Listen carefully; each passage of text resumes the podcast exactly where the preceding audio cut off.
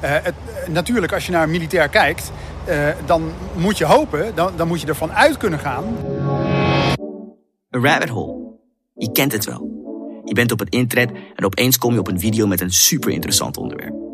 Je blijft klikken en klikken en klikken en klikken en klikken en je eindigt altijd, maar dan ook altijd met kattenfilmpjes. De volgende dag word jij echter wakker met kennis over een bepaald onderwerp waar anderen weinig tot niks van weten. En dat met jouw eigen inzichten. Dat kan de magie van een rabbit hole zijn. Maar stel je eens voor dat jij de magie van een al ontdekte rabbit hole kan ervaren. Dat jij in een tourbus kan stappen en dat je kan horen en zien wat de perspectieven zijn van iemand die al op alle filmpjes heeft geklikt. Nou, jij staat op het punt om dit zeven afleveringen lang te ervaren. Welkom bij de Landmacht Maakt Muziek.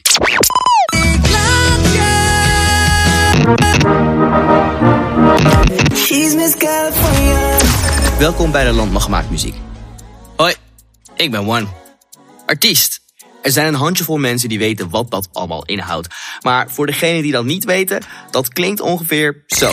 Oh my God. Global Express, fly in the muff. Morocco to Angola.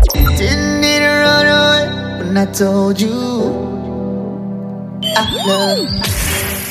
Dit is ongeveer wat ik dus allemaal kan. Produceren, songwriten, schrijven, vocal coachen, radio-dj geweest onder andere. En ik doe dit al een aantal jaar.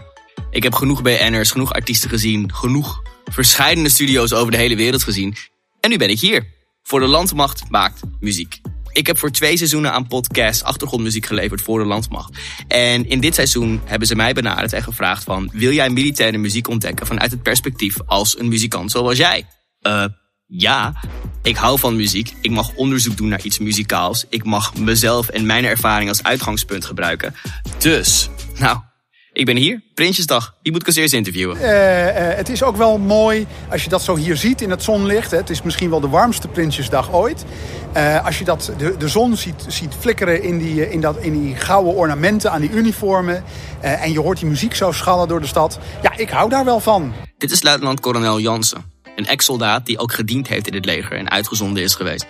Hij kan voor de rest geen noot lezen, maar heeft wel 200 professionele muzikanten onder zich. En wat je in zijn stem hoort? Trots. Trots, ja. Dan, ik, uh, mijn borst gaat een beetje uh, omhoog. Uh, en ik begin een beetje te, te lachen op, op een gepaste manier. ik vind dat wel mooi. Ja, maar dat is toch ook mooi? Dit is iets wat jij in elkaar hebt geflanst. Dit is, dit is iets uit jouw draaiboekje. Ik snap dat wel. En als je luistert naar de hele podcast, dan ga je bij elke muzikant die we interviewen dezelfde trots horen. Het is echt, het verbindt oprecht. En het is deze verbintenis wat mij elke keer doet verbazen. Maar daar kom ik tijdens het onderzoek nog op terug. Daarnaast, ik herken die trots. Want ik ben ook trots op de dingen die ik maak. Ik ben ook trots op de dingen die ik heb bereikt. Dus waarom zou iemand dat van het militaire kapel dat niet kunnen zijn? En dat brengt me ook meteen naar het doel van dit onderzoek. Ik wil graag onderzoeken wat de verschillen en de overeenkomsten zijn tussen de militaire muziekindustrie, om het maar zo te noemen, en de muziek die ik maak, de industrie waar ik in zit. Tussen aanhalingstekens de moderne muziekindustrie. Dus ik wil kijken wat de overeenkomsten en de verschillen zijn. En daarnaast wil ik kijken of ik de militaire muziek kan combineren met mijn eigen muziek. En daarvoor heb ik al een speciaal nummer in mijn hoofd. Liefde van Joshua Newton. Hoe gaat dat klinken? Dus de overeenkomsten en verschillen tussen militaire en moderne muziek en zijn deze twee werelden samen te voegen. Dat zijn tot nu toe de beginselen van dit onderzoek. En dat zijn hele grote beginselen, want ik weet helemaal niks van militaire muziek. Het enige wat ik wel weet is dat het bij Nederland hoort. Want ik kan de koning niet wegdenken zonder zijn militaire orkesten, kapellen. Maar kan de rest van Nederland dat ook? Deze vraag stelde ik aan luitenant-kolonel Jansen. Wat betekent Nederlandse militaire muziek nou voor ons koninkrijk? Voor onze monarchie? Ja, nou laten we beginnen bij de basis. Dat, uh, het is een gedeelte van het totaal aan militair ceremonieel. Ehm, je ziet uh, hier uh, alle kleurige pakken. Hè? rode pakken, zwarte pakken, blauwe pakken. Dat zijn allemaal van de krijgsmachtdelen. En die krijgsmachtdelen die hebben allemaal hun eigen orkest. Of sommige hebben er zelfs meerdere. Um, en dan kom je bij een wezenlijk onderdeel van de verbindenis van militair ceremonieel met het Koningshuis. Uh, elk Koningshuis, en dat is een feit, uh, op, op de wereld heeft militair ceremonieel. En heeft dus ook uh, militaire muziek daaromheen. En het is ook bij voorkeur een militair orkest wat het Wilhelmus speelt. Dat hoeft natuurlijk niet, maar bij de echte plechtige momenten... dan zie je dat er een militair orkest het volkslied speelt. En dat is hier niet anders dan in Groot-Brittannië of Denemarken... of nou ja, noem maar een ander land waar een koningshuis is. Dus die verbindenis die is al eeuwen oud.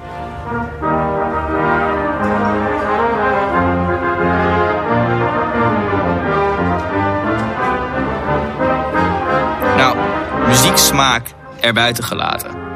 Kwaliteit is dit zeker, want luister eens even hoe ze spelen. Dit is... Wauw, dit is echt van niveau. Kan ik alleen maar onder de indruk van zijn. Weet je wat zo leuk is aan een rabbit hole? Alle informatie die jij op je afkrijgt hoeft niet lineair te zijn. Je hoeft niet door al je stof in één keer te gaan. Je kan van links naar rechts gaan. En je kan het verwerken hoe jij het wilt. Het is jouw rabbit hole. En het zorgt er ook voor dat je soms op video's klikt die met het onderwerp te maken hebben, maar niet echt helemaal zijn als de video die je net bekeek. Maar dat is niet erg, want we kunnen altijd terug. Ik bewonderde net het samenspel van de militaire muzikanten. Samenspel. Zo belangrijk is het, want zo moet je klinken als je goed samenspeelt met de toevoeging van je eigen kunsten. Nou, dat geldt ook voor een popliedje. Want een nummer bestaat uit lagen. Laten we Kai van der Voort als voorbeeld nemen. Ex-zanger van boyband Be Brave, die jij misschien hiervan kent. Bij mijn lieve schat, dit is een one night stand. Ook jij hoort iemand anders als je weet wie ik ben. Sorry lieve schat, dit blijft een one night stand. Na het succes van de boyband Be Brave heeft Kai van der Voort een EP uitgebracht genaamd Alles is Anders. De gelijknamige single Alles is Anders, maar ook de tracks Mee naar haar en Meer bij mij zijn nummers van het EP waarin ik samen met een groep van andere muzikanten aan mee heb gewerkt. Ik heb de rol als producer, vocal coach, vocal engineer en schrijver op mij genomen. Kai is een zanger. Om mee naar haar te laten werken hebben we zitten spelen met hoe hoog het nummer moest zijn. En we hebben Kai echt gepusht om een nummer zo open mogelijk te zingen en hij heeft het echt gekild. En ik dacht dat ik je miste, niets is minder waar, ik laat je. Nou, zoals je kunt horen, het is een groot nummer. Nou, om de grootsheid van deze productie op te vangen, maak ik altijd gebruik van koortjes. In dit geval heeft zanger, schrijver, componist Kelvin Allison de koortjes verzonnen gecomponeerd en samen met Kai ingezongen. En dit samenspel klinkt dan zo. Ik laat je gaan, al is het zwaar. Nou, de vocalen die staan dus. Nou, hoe klinkt het als je de drums, de gitaren, de basslines, de piano's en alle MIDI-instrumenten erbij toevoegt?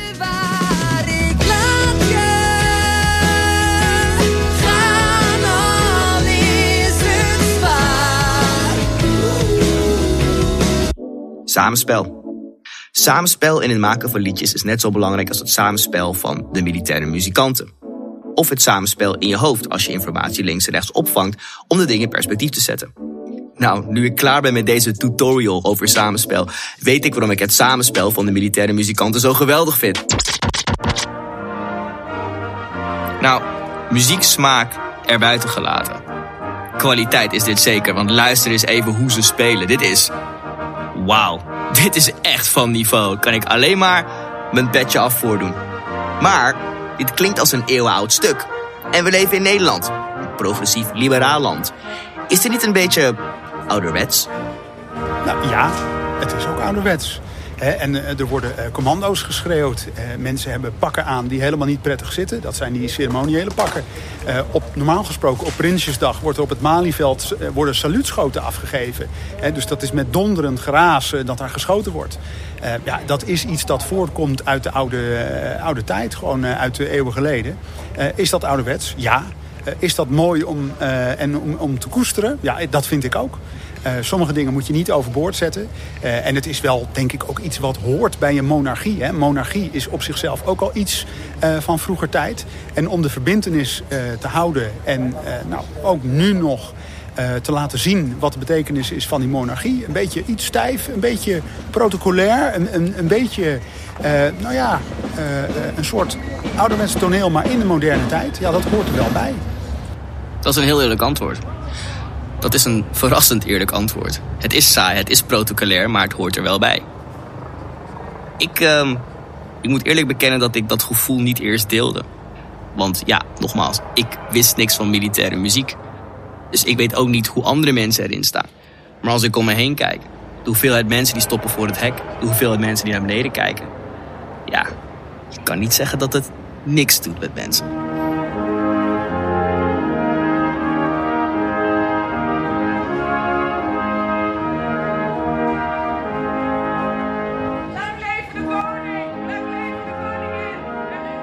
Lang leven de koning, de koningin en zijn gezin. Ja, one. De antwoord op je vraag heb je dan, verbindt het? Is het ouderwets ja of nee? Ja, misschien. Maar mensen kijken ernaar. Mensen komen voor opdagen. Mensen zwaaien met hun vlaggetjes, ondanks de coronaregels. Dus, one. Probeer jij nou maar even de koning te vinden, want je staat voor een hek en je hebt maar een paar seconden de tijd voordat je mist. Dus je moet het goed timen. En ik heb niet goed getimed. Komt, dan spelen de tamboers en pijpers van het Korps en Mariniers de eremars. Met afgebeten slagen en fluiten. Ja, de Daar, parademars. daarna, Ja, nee, ja, dus de eremars spelen ze. Dat weet ik heel zeker. Ja, je hoort het. Hij weet het. Je kan deze man niks wijsmaken.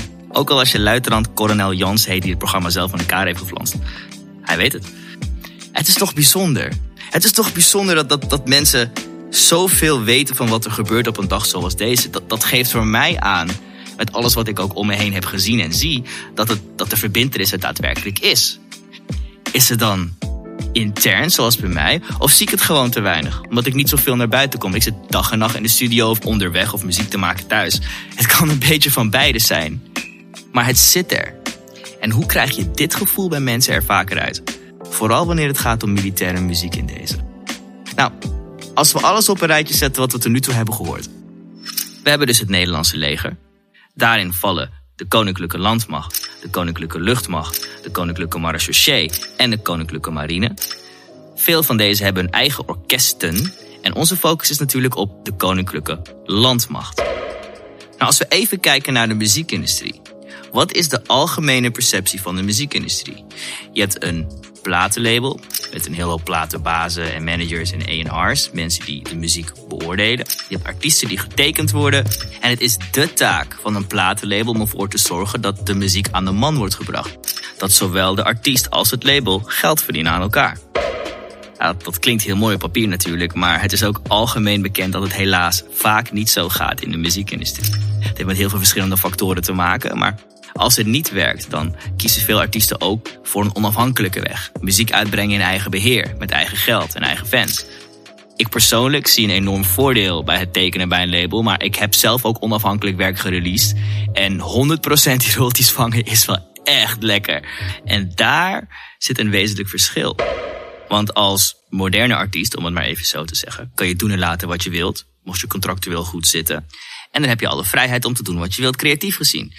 Bij militair muziek um, weet ik nog niet hoe de vrijheden in elkaar zitten, maar op een ceremoniële dag zoals Prinsjesdag kan ik me voorstellen dat er bepaalde stukken gespeeld moeten worden, zoals het Wilhelmus. Uh, nou ja, het Wilhelmus, dat hebben we al genoemd. Uh, maar er wordt ook de parademars gespeeld als de koning uh, aankomt in zijn stoet. Dat is vandaag niet in een koets, maar dat is in een auto.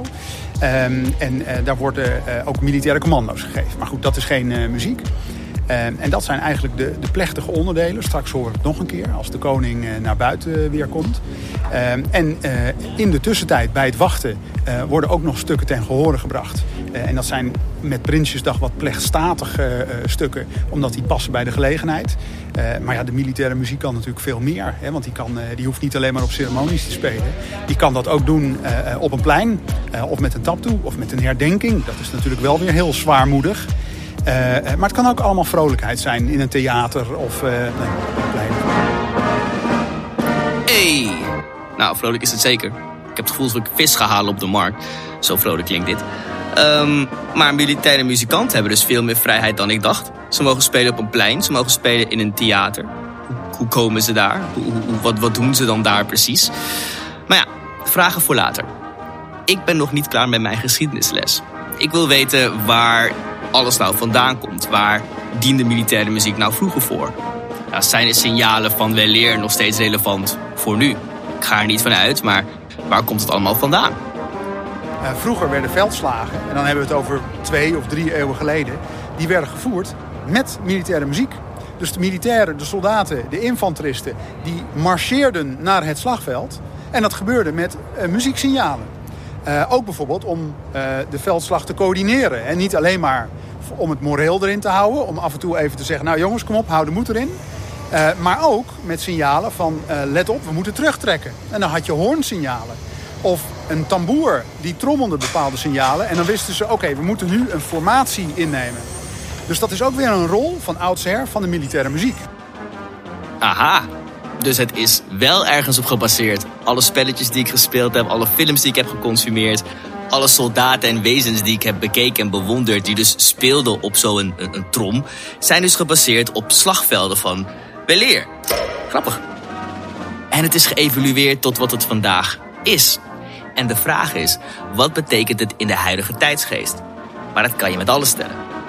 Wat betekent dance van de jaren 90 in de huidige tijdsgeest? Nou, zonder een DJ Chesto die in de jaren 90 supergoeie muziek maakte voor die tijd, was er geen Armin van Buren. Was er geen Afrojack. Was er geen Martin Garrix. Was er geen Justin Milo. Was er geen jongen of meisje, man of vrouw die zo'n fan van deze mensen is, die een eigen sound hebben gecreëerd op de fundering van wat zij hebben gedaan. Het is dezelfde dance genre, alleen dan in een andere tijdsgeest, met andere mensen die bespelen. En in het geval van militair muziek zit weer een andere vorm van een monarchie.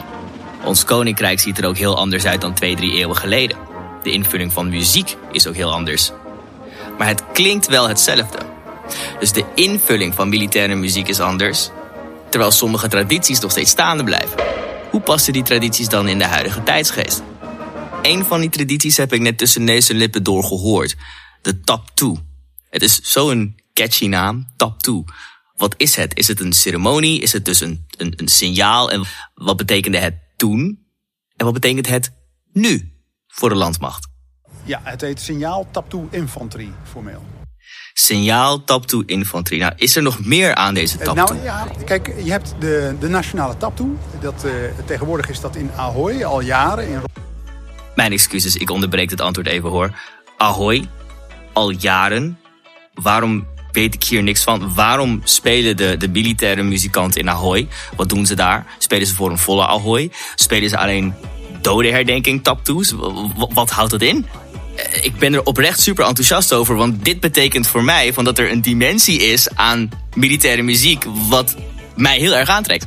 Mijn excuses, het volledige antwoord. Ahoy, al jaren in Rotterdam. En daar zie je ook dat er een ontwikkeling is. Hè. Waar vroeger was een taptoe eh, recht toe recht aan. Dat was uh, op een plein, uh, bijvoorbeeld in Breda, op een militair complex. Ehm, en daar moest het publiek dan naartoe. Dat is de oervorm van de taptoe. Want er kwamen mensen kijken van, nou, wat doet die krijgsmacht nu? Wat doet die militaire muziek nu?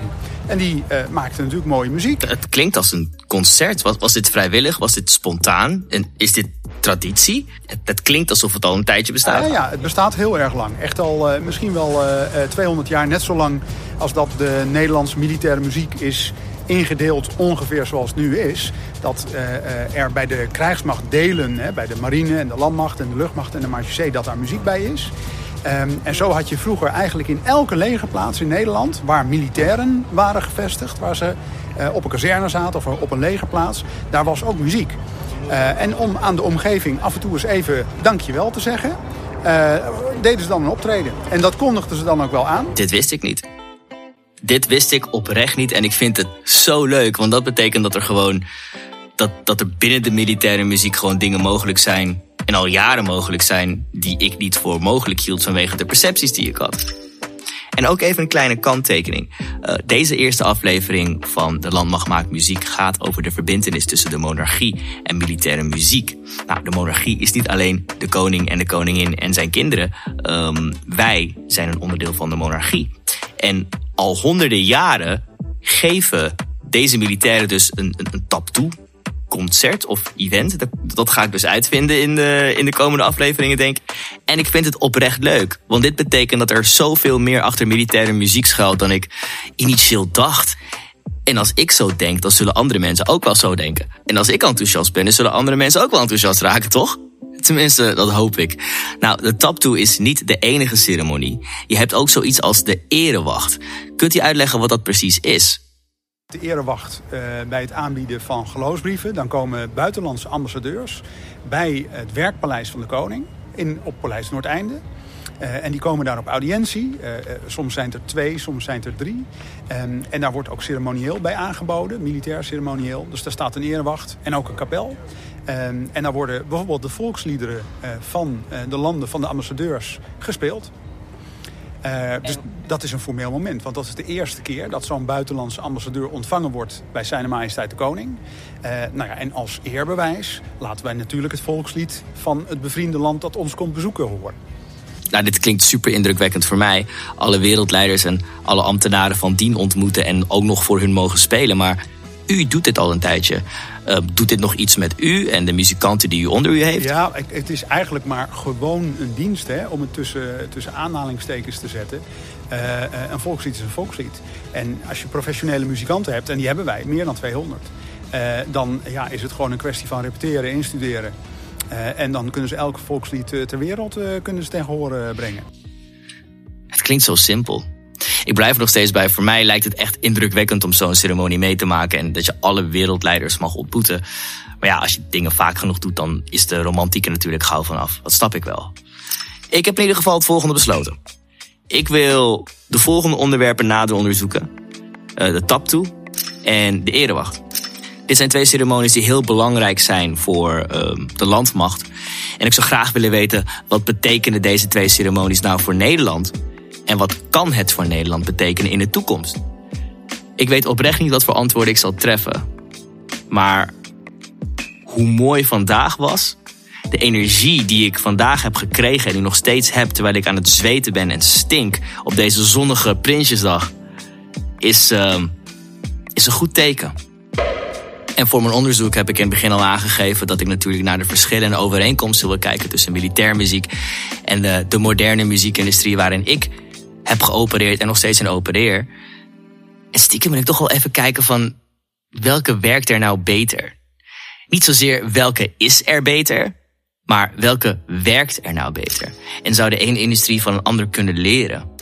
Gelukkig verandert er niks aan de benadering van mijn onderzoek. Ik wil nog steeds de verschillen en de overeenkomsten kunnen analyseren om tot bepaalde conclusies te komen. We weten dat het leger uh, een overkoepelende organisatie is voor de krijgsmachten zoals de landmacht. Uh, net zoals een label een overkoepelende organisatie is voor artiesten. Militaire muziek is muziek. En net als alle andere muziek, om het voorbeeld van DJ Chesto te gebruiken, evolueert het zich met de tijd.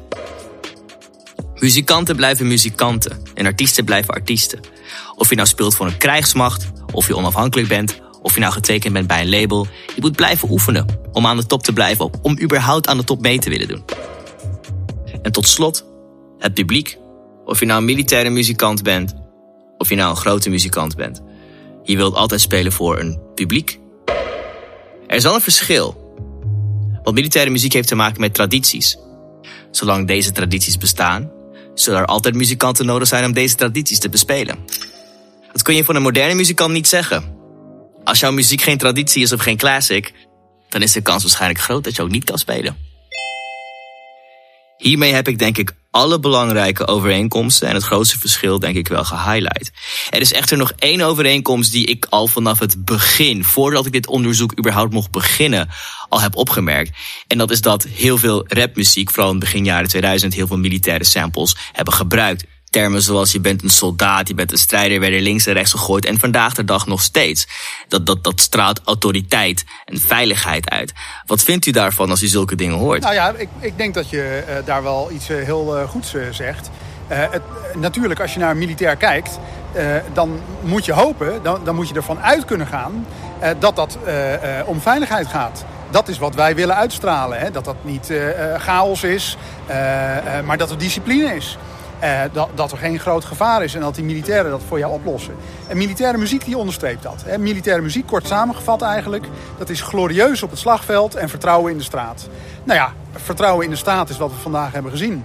Uh, uh, en dat is wat het ook moet inboezemen bij de bevolking. Als je dat hoort, dan denk je, nou, gelukkig. De krijgsmacht staat paraat. En de muziek onderstreept dat. Luitenant-kolonel Jansen, dank u wel. Zeg maar gewoon Thijs. Dank je wel, Thijs. Alsjeblieft.